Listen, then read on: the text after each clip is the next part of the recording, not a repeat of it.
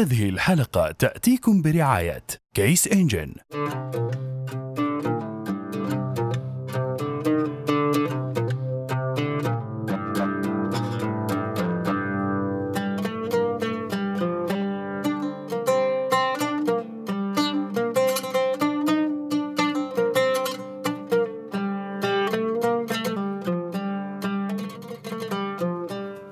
السلام عليكم ورحمة الله وبركاته. أهلا بكم مستمعينا في حلقة جديدة من حلقات ما وراء القانون بودكاست. آه، حلقتنا اليوم بتكون أول حلقة نستضيف فيها ضيف معانا آه، في ما وراء القانون بودكاست الموسم الرابع. ضيفنا اليوم الأستاذ معجب الدوسري. آه، في حلقة في عنوان التقنية القانونية بين الواقع والمأمول. أستاذ معجب هو كبير المستشارين القانونيين في أحد أبرز الشركات التقنية بالمملكة لصندوق الاستثمارات العامة. يحمل درجة البكالوريوس والماجستير في القانون عمل في عدة جهات رقابية وشركات حكومية في قطاع الاتصالات وتقنية المعلومات تدرج في عمله من باحث قانوني مرورا بمدير للشؤون القانونية وصولا لمستشار الإدارة التنفيذية مهتم بحلول الأتمثة والرقمنة ومؤسس لأول بود قانوني متخصص في صياغة العقود والاتفاقيات باللغة العربية. أهلا بك أستاذ معجب آه، سعدتنا وشرفتنا بوجودك معنا وإن شاء الله تكون هذه الحلقة ممتعة ونستفيد من خبراتك. طيب أول شيء الله يبارك فيك أستاذ عبد الرحمن. آه، أنا شاكر ومقدر جدا آه، يعني جهودكم المتميزة في البحث عن المعرفة والتطوير في المجال القانوني. وصراحة آه، يعني نقول إن شاء الله أني أكون ضيف خفيف في برنامجكم المميز. وعاد بكل تأكيد أنت مبدع وأول بود قانوني يعني رائع جدا المحرر القانوني. خلينا نبدأ كذا بالبداية. حكينا عنك أخوي معجب. كيف بدأت رحلتك في القانون؟ وإيش اللي خلاك تهتم بالتقنية وتدخل في عالم التقنيات القانونية؟ طيب ممتاز. آه، أول شيء أنا أخوكم الصغير معجب. أنا ما أبي أكبر نفسي وأقول. أه الحقيقة القانون يعني آه، بداية دخولي لهذا التخصص يعني كان صدفة. يعني بكل أمانة. ما كان عندي أي معلومة عن هذا التخصص أبدا. تقريبا في عام 2008 أو 2009 مش متأكد. آه، كانت أول مرة يتم فيها تطبيق اللي هو فكرة السنة التحضيرية في جامعة الملك سعود. فكان من ضمن الخيارات اللي هو حاسب آلي بعدين إدارة أعمال. وبناء على المجموع التراكمي آه، طبعا النظام آه، يعطيك إيش التخصصات اللي تتناسب مع المعدل حقك. والصراحة مباشرة أعطوني الخيار الثاني اللي هو إدارة أعمال. الحقيقة أول ما درست آه، في هذا التخصص أول ترم أبدا ما شفت نفسي بهالمجال. آه، قررت إني أحول لتخصص ثاني. وكان من ضمن الخيارات المتاحة لي اللي ما فيها مفاضلة أصلا كان آه، اللي هو تخصص القانون. يعني اخترته مباشرة حتى بدون ما أسأل عنه. فأول سنة لي صراحة في الكلية أخوي عبد الرحمن كانت بمثابة صدمة. يعني لازلت يعني وقتها مش مستوعب النظام الأكاديمي وأن هذا الشيء. صراحة أثر على معدلي يعني التراكمي في يعني بداية الدراسة. حتى وصل الأمر أني يعني حذفت ترمين يعني دراسية ورا بعض. فهذا الشيء يعني زي ما أنت عارف آه، الآن أنا حاذف آه، أترام وقاعد في البيت ما عندي شيء. فقلت خليني أشتغل لفترة مؤقتة خليني أجرب حظي في القطاع الخاص. يعني ممكن أمشي بدون بدون بدون شهادة أصلا. فقدمت على كذا وظيفة واشتغلت إداري في إحدى الشركات المختصة في قطاع التشييد والمشاريع الإنشائية. فخلال فترة عملي القصيرة جدا مر علي موقف غير حياتي بشكل كامل. الموقف هذا وشو؟ آه في إحدى الأيام طلبوا مني أسلم مخططات آه للمهندس اللي ماسك مشروع إنشاء مبنى لأحد الهيئات الحكومية. فبعد ما وصلت المبنى رفضوا انه إني أنا أدخل بسيارتي. فطبعا أنا ما أدري ليش. فقابلت المهندس وسلمت الأوراق ولاحظت أنه قاعد يعاملني بأسلوب سيء جدا ومعاملة سيئة. وقلت وقتها في نفسي يوم من الأيام إن شاء الله راح أشتغل بهالمبنى اللي أنت قاعد تسويه.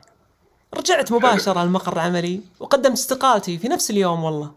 وبعدها بأقل من شهر آه، عاد يعني بدأت السنة الجديدة للجامعة ورجعت لمقاعد الدراسة. وجتني صدمة ثانية صراحة. أنا هي الصدمات تجي مرة واحدة. الصدمة الثانية وش هي؟ وأنا جاي متحمس أبي أدرس إن الترم اللي أنا حاذفه الأخير ما انحذف. ونزل لي معدل واحد من أصل خمسة. وأنا متأكد آه إني حاذف الترم هذا ومعبي النموذج وموقعه ومسلمه للموظف الشؤون الطلابية. لأن الحذف وقتها أخوي عبد الرحمن يعني ما كان إلكتروني. ولكن للأسف صراحة يعني جميع محاولاتي لإقناع الاداره وقتها باءت بالفشل. يعني يعني قالوا أنت المقصر يعني بهذا الشيء. فزي ما انت عارف الآن أنا يعني مكافأتي مقطوعة لأن معدلي أقل آه، من اثنين.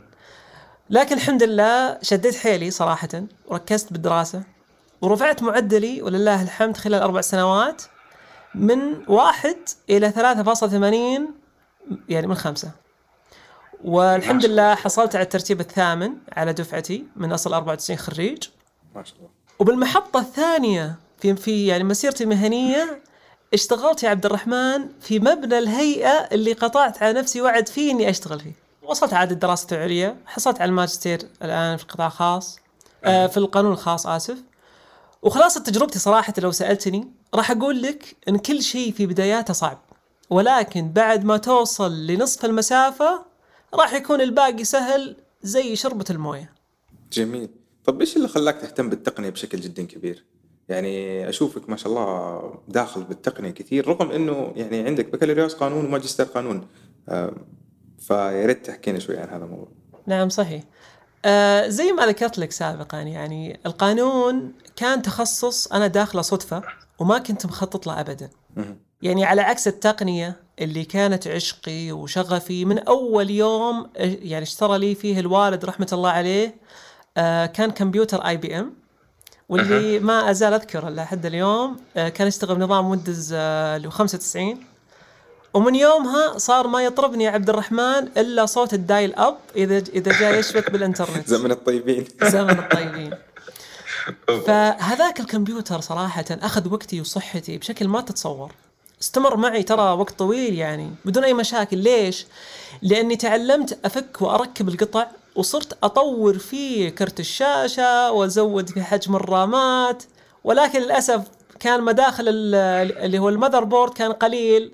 ولا ولا يعني وإلا كان حللته سنوات أكثر يعني. فزي ما قلت لك يعني هو أصلا من ضمن الخيارات اللي أنا وضعتها أثناء تقديم الجامعة كان تخصص حاسبالي ولكن بحكم المفاضلة ما كان لي فيه نصيب في الخيار الأول وأعطاني نظام جميل. بشكل تلقائي الخيار الثاني اللي هو إدارة أعمال يعني أقدر أقول آه، أستاذ معجب باختصار آه، هو مهتم بالتقنية لكن درس قانون وظف اهتمامه مع تخصصه في التقنيات القانونية صحيح؟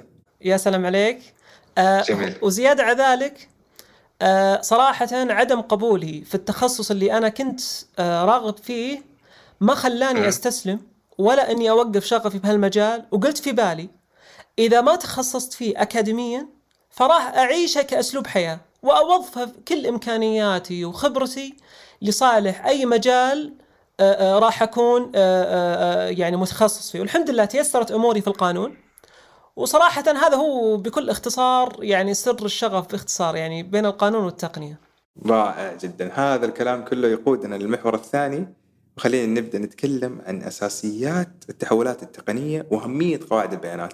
آه، طبعا كثير من المحامين الآن في الفترة الحالية آه، بعد أزمة كورونا بدأوا يتجهوا للتحول آه، الرقمي وبيحاولوا إنه يتبنوا خلينا نقول يتبنوا تقنيات قانونية، أنظمة إدارة آه، تتماشى مع رؤية المملكة 2030.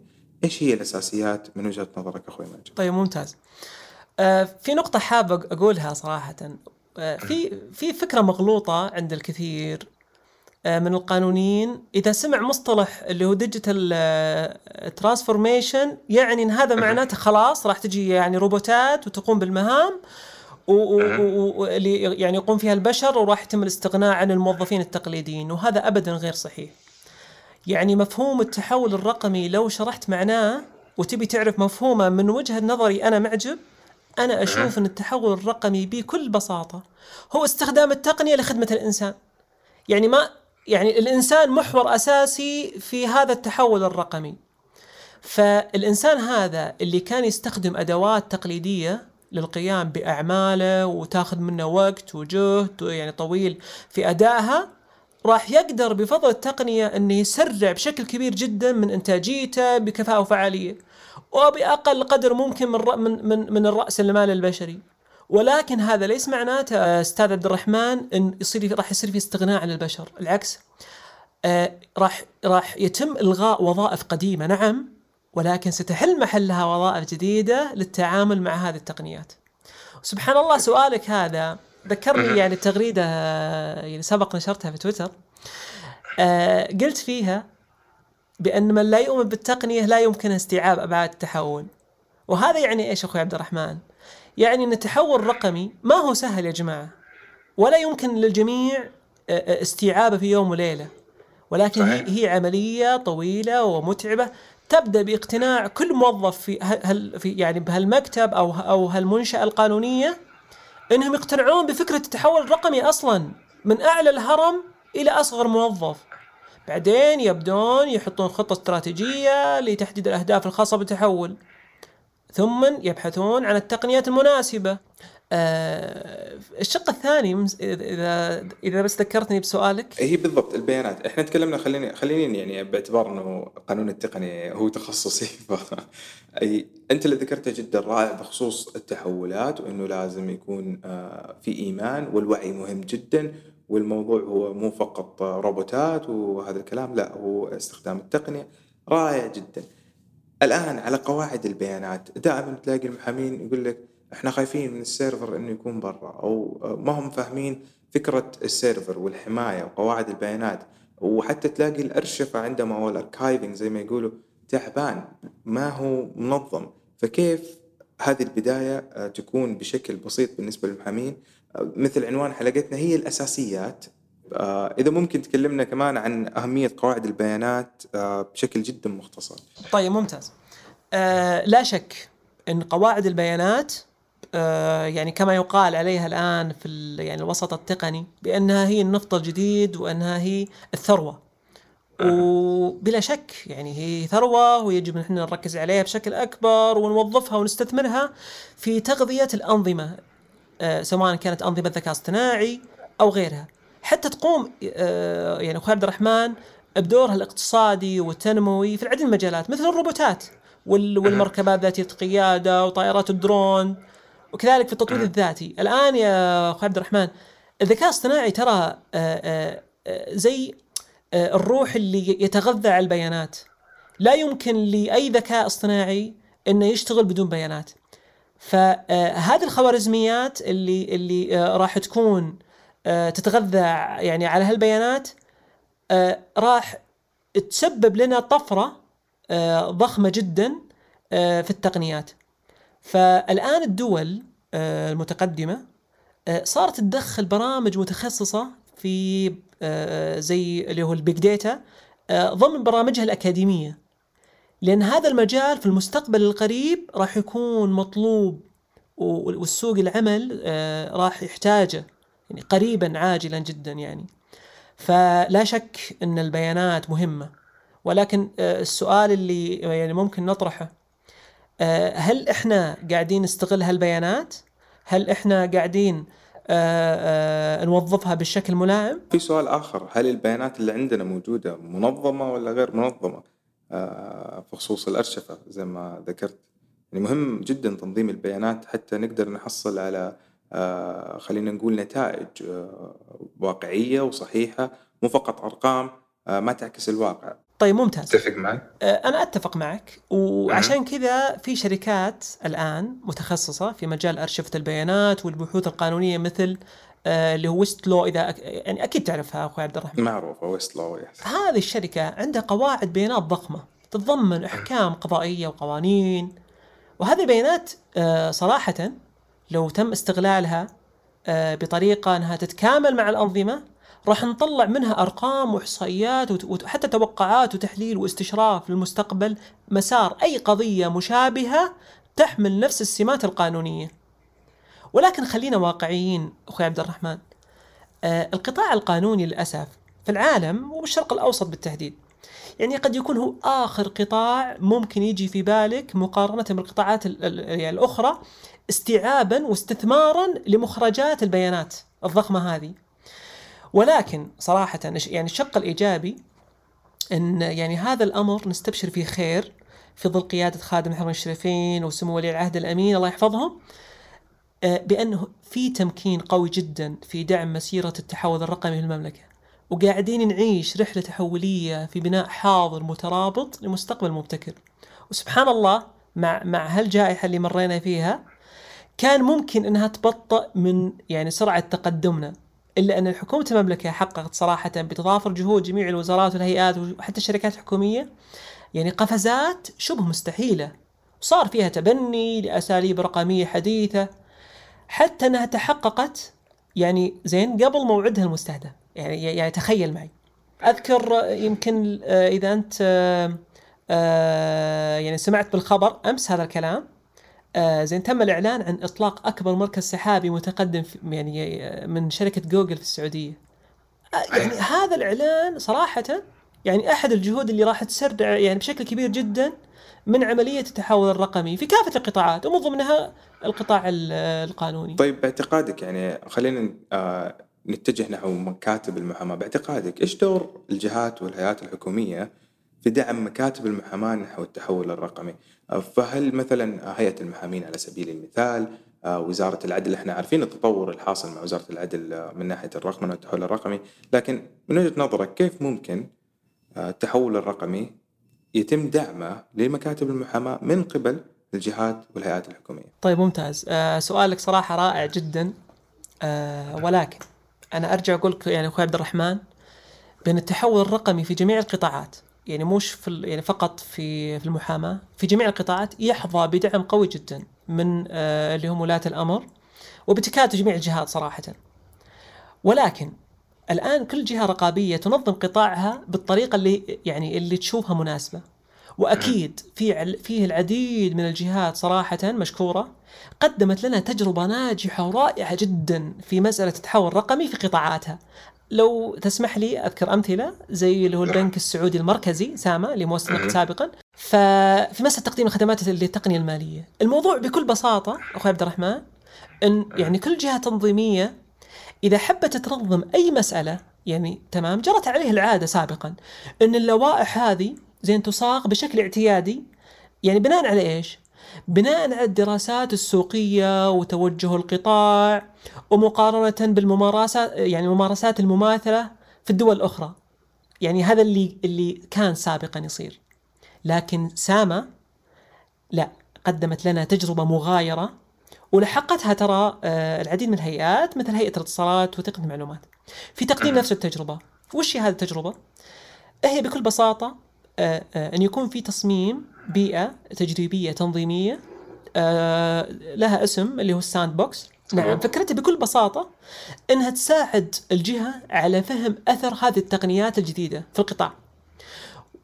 تمام؟ وبنفس الوقت تسهل عليها عملية الدخول في السوق وتخفف من القيود التنظيمية بحيث ما يطبق عليها بعض المتطلبات ولكن راح تكون تحت رقابة الجهة نفسها. يعني هذه الجهة الرقابية راح تكون آه، آه، آه، يعني زي المظلة اللي تراقب فيها تمام هذه التطبيقات. إلى أن تحقق مستوى معين من الضوابط. وبعدها خلاص. عاد يعني تطلع بشكل رسمي من هذه الهيئة. بالعادة ترى يعني مدة هالحضانة أنا أسميها حضانة. يعني مدتها تقريبا 12 شهر. وبعدها لا خلاص تصير يعني مرخصة رسميا من الجهة نفسها. جميل. مثل حاضنات الأعمال لكن آه، بدعم حكومي بتكون آه، لأغراض محددة. طيب آه، خلينا ننتقل للمحور الثالث. وهو يعني من المحاور اللي أنا منتظر أسمع عنها كثير. ويعني تجربتك في صناعة البوت المحرر القانوني تجربة رائعة. أبغاك تحكينا عنها. بتفاصيلها بالمشق العقبات اللي واجهتها المميزات السوق هل هو مستعد لمثل هذه الأمور ولا ما زالت التقنيات القانونية يبغى لها وقت؟ طيب ممتاز. صراحة الإجابة على هالسؤال يعني ذو يعني ذو شجون يعني الحقيقة وفي نفس الوقت ترى أزعل ويضيق صدري أن التقنيات العربية في المجال القانوني قليلة جدا إن لم تكن معدومة صراحة يعني. ولكن في في عدد من التطبيقات يعني ما زالت داخلة وإن شاء الله في تطبيقات آه، يعني نسمع فيها باذن الله إنها آه، تشوف النور قريبا. ولكن لو لو اطلعنا على الأنظمة الموجودة يعني اللي يعني خارج آه، الشرق الأوسط موجود في أنظمة متخصصة في إدارة العقود والاتفاقيات وأتمتة إجراءات التقاضي ومتابعة الأعمال القانونية وقد يكون أشهر منصة صراحة يعني تم استخدامها خلال فترة جائحة كورونا اللي هي اللي هي منصة دوك ساين. يعني من أكثر الحلول الرقمية الآمنة صراحة وال آه، والمشفرة آه، اللي تساعد الأفراد وحتى الجهات في التوقيع للمستندات باختلاف أنواعها سواء كان عقد أو اتفاقية أو ما إلى ذلك. في أعتقد عندك منصات خلينا نقول إذا على المنصات الإدارات عندنا Clio آه، في الإدارة المكتبية، في منصات الدفع عندنا LawPay يس في أيضا خلينا نقول App4Legal عندنا في العالم العربي Case Engine آه، في عدد من المنصات اللي موجودة خارج المملكة. عندك Trellis عندك أيضا ROSS اللي خاصة بالبحث وهي منافسة الآن ل Westlaw و LexisNexis في عدد كبير من المنصات يعني الآن اللي داخلة للسوق خصوصا بالسوق الأمريكي والبريطاني بشكل يعني مرعب. آه، أكثر من السوق العربي. يعني على طاري يعني كلمة مرعب آه، يعني أنا من وجهة نظري أن مستقبل التقنيات القانونية قوي جدا ولكن صراحة يعني مستقبله مخيف بعض الأحيان. وما وما أبي أقول أنه راح يتسبب الاستغناء الكامل عن القانونيين لا ولكن راح يساعدنا إحنا كقانونيين بشكل كبير جدا في تسهيل أعمالنا القانونية. وراح يقلص الوقت والجهد في البحث والدراسة والصياغة وهذا بلا شك أخوي عبد الرحمن راح ينعكس أثره على على على التكلفة والأتعاب وراح يخفضها بشكل كبير لدرجة راح يجي وقت وأذكرك بأن في يوم من الأيام القادمة راح تكون قيمة تكلفة الاستشارة القانونية أو صياغة العقد راح تعادل أو تساوي آه، قيمة وجبة برجر. أخوي معجب. خلينا على موضوع صياغة العقد وقيمة وجبة البرجر. آه ما شاء الله أنت جالس تقدم العقود ببلاش. ليش؟ عن طريق ال bot. طيب آه واجهت انتقادات كثيرة على هذا الموضوع المعلومة. آه علشان آه علشان نسترسل في هالاجابه خليني أبدأ بك أو آه يعني قصة ال ال يعني ال bot وكيف كيف كيف يعني بدت معي. صراحة ممكن في 2000 2019 أو آه نهاية 2018 آه الشرارة اللي خلتني أخوض هالتجربة هو إني حضرت آه آه زي مؤتمر لإنترنت الأشياء. وكان فيها محاضرات علمية من ضمنها محاضرة بعنوان تمام؟ آه كان أذكر اللي هو إيش؟ آه هل يمكن للذكاء الاصطناعي أن يكون معصوم آه أن يكون معصوم من الخطأ؟ طبعا هذا هذا عنوان المحاضرة. مباشرة رحت سجلت فيها حتى أتذكر إني كنت جاي مبكر يعني يعني دخلت القاعة ما في إلا أنا وعمال النظافة.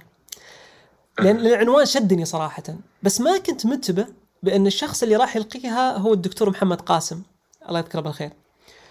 أه صراحة أنا ما أبي أتشعب في التفاصيل ولكن ما ما يهمنا في في مجال القانون أه هو أثناء المحاضرة تطرق لمسألة صراحة مهمة جدا وكانت يعني تشكل هاجس عند الكثير من المنظمات وهو إنه كيف ننقل مسائل الأخلاق أو التشريعات المختلفة إلى الذكاء الاصطناعي. فذكر إن الباحثين توصلوا إلى أن الحل الوحيد يكون عبر تحويل الأنظمة والقوانين من قيم فلسفية إلى قيم هندسية حتى تستطيع الأنظمة إنها تتعامل معها. ما أخفيك مباشرة بعد ما خلصت المحاضرة رجعت البيت. مخي مش راضي يوقف تفكير، كيف وشلون؟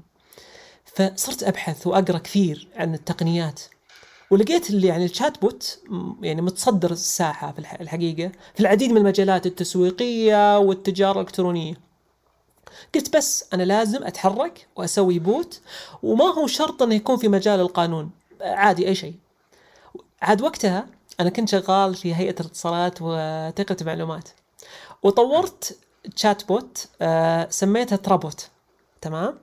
وهو عبارة عن يعني platform آه تقدم خدمة تفاعلية لاستقبال الشكاوى والتعريف في خدمات الهيئة ويعني مقدمي الخدمة سواء STC موبايلي زين والخدمات اللي يقدمونها وكيف ممكن الواحد يعني يعترض على الشكوى يعني صراحة بدعت فيه. وقدمته كمشروع مقترح للجهة بحيث إنهم يتبنونه يعني. والعكس يعني بدون أي مقابل يعني ما كنت أنتظر عليه أي يعني مردود مادي. بقدر ما أنا مهتم أخي عبد الرحمن بالمردود المعنوي أكثر. فما قصروا الجماعة يعني رحبوا بالفكرة. وبعدها صراحة انتقلت لجهة أخرى وما أدري إيش صار على مشروع ترابوت بعدين تطور الموضوع يعني الموضوع عندي شوي تطور. وصارت مسألة مزج القانون بالتقنية كانت يعني تاكل وتشرب معي يعني كل يوم بدون أي مبالغة. ومثل ما أنت عارف إن, إن يعني أكثر وقتنا إحنا كقانونيين آه، يروح على الأعمال القانونية اللي خلينا نسميها ذات الطابع المتكرر زي العقود والاتفاقيات اللي تكون في الغالب تحمل نفس الهياكل والبنود. اللهم يعني أشياء بسيطة تتغير. زيادة على ذلك إنها برضو يعني خلينا نقول تشكل عبء على الأشخاص الغير مختصين من سواء من ارتفاع تكلفة أو ضعف المخرجات يعني من محامي إلى محامي يختلف هذا والله قاعد يصيغ يعني هذا هذا والله قاعد متخصص في العقود التجارية هذا متخصص في عقود العمل. فيعني في اختلاف في تباين. فقررت بعد ما شفت من هناك فرصة إني أسوي مشروع جديد وأسميه ليجل اديتور أو المحرر القانوني. وركزت على إنه يقوم على ثلاث مرتكزات صراحة. أول شيء إنه آه، يقدم يعني خدمات دون الحاجة إلى معرفة قانونية مسبقة وبجودة عالية ودون تكلفة أو إذا كان في تكلفة فتكون قليلة جدا. فالآن أخوي عبد الرحمن أنا عندي فكرة وعندي رؤية بس باقي علي التنفيذ. ولكن وقتها برضو انتقلت لوظيفة يعني جديدة وتأخرت شوي في التنفيذ. ووقتها عاد ادخلت علينا جائحة كورونا. الله يعني يكفينا وإياكم شرها ويعافي من أصاب ويغفر آه، يعني من توفى. فصار في lockdown وكل الناس قاعدين في بيوتها والموظفين يشتغلون عن بعد. فكان عندي متسع من الوقت إني أخلص شغلي الأساسي وأسوي ال bot. وما أخفيك أخوي عبد الرحمن.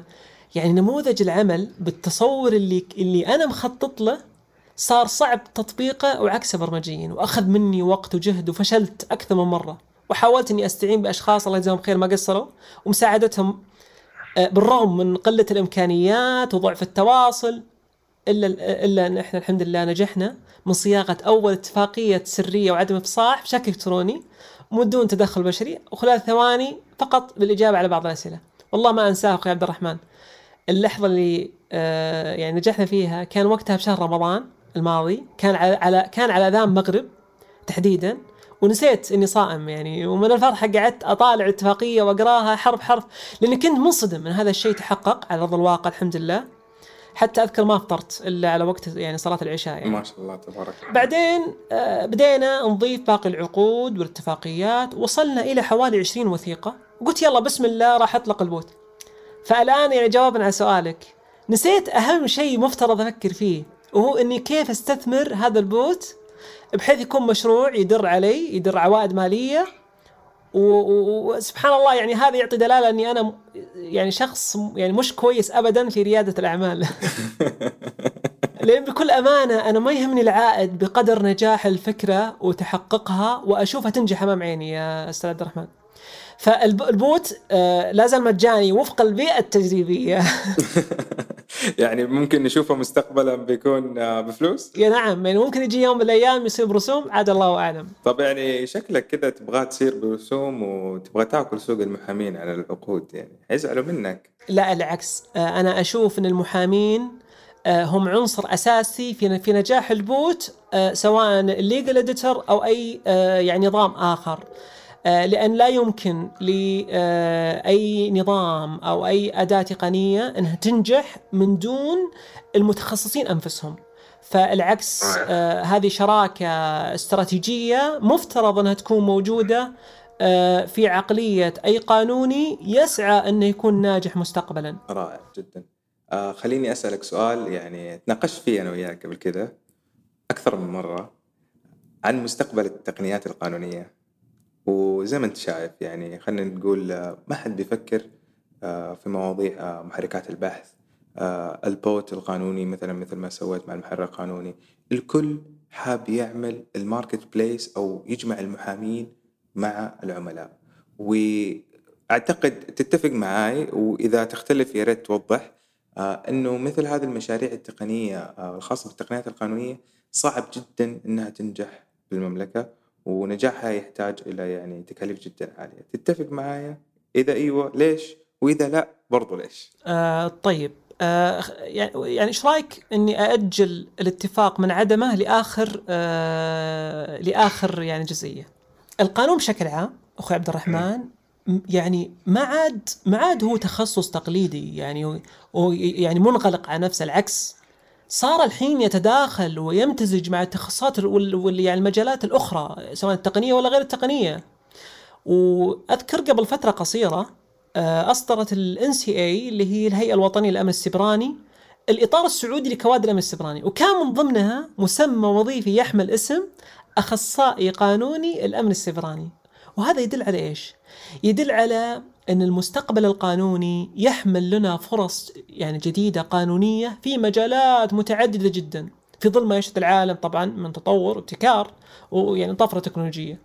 ومن المتصور جدا إن يجي يوم وتستحدث فيه وظائف قانونية ذات أبعاد فنية وهندسية ومالية وصناعية إلى آخره.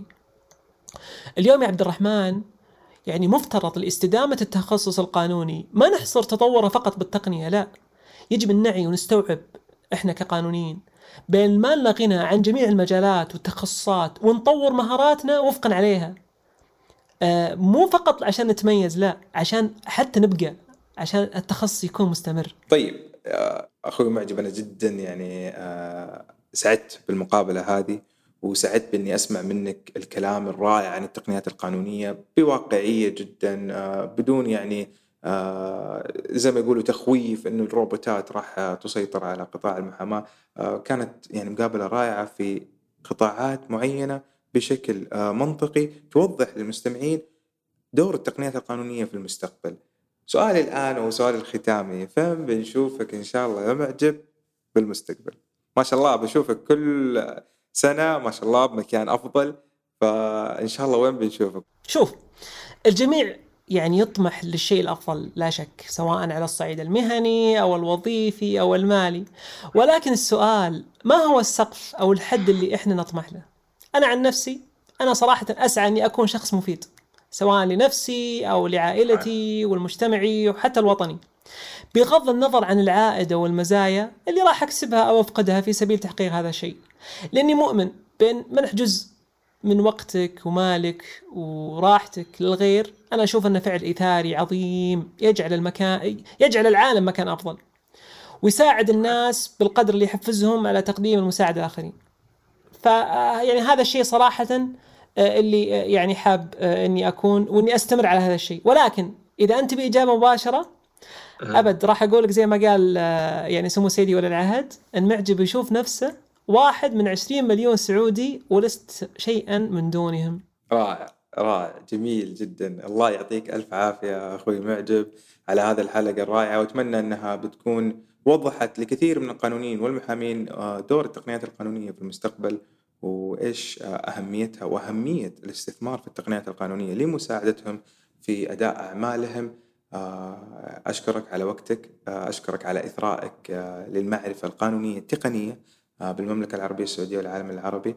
وإن شاء الله يكون لنا لقاءات ثانية نتكلم فيها بتعمق أكثر عن التقنيات القانونية. مستمعينا الكرام حلقة جديدة من وراء القانون بودكاست. انتهت. أتمنى أنها نالت إعجابكم واستفدتم منها. نلقاكم في حلقات قادمة بإذن الله.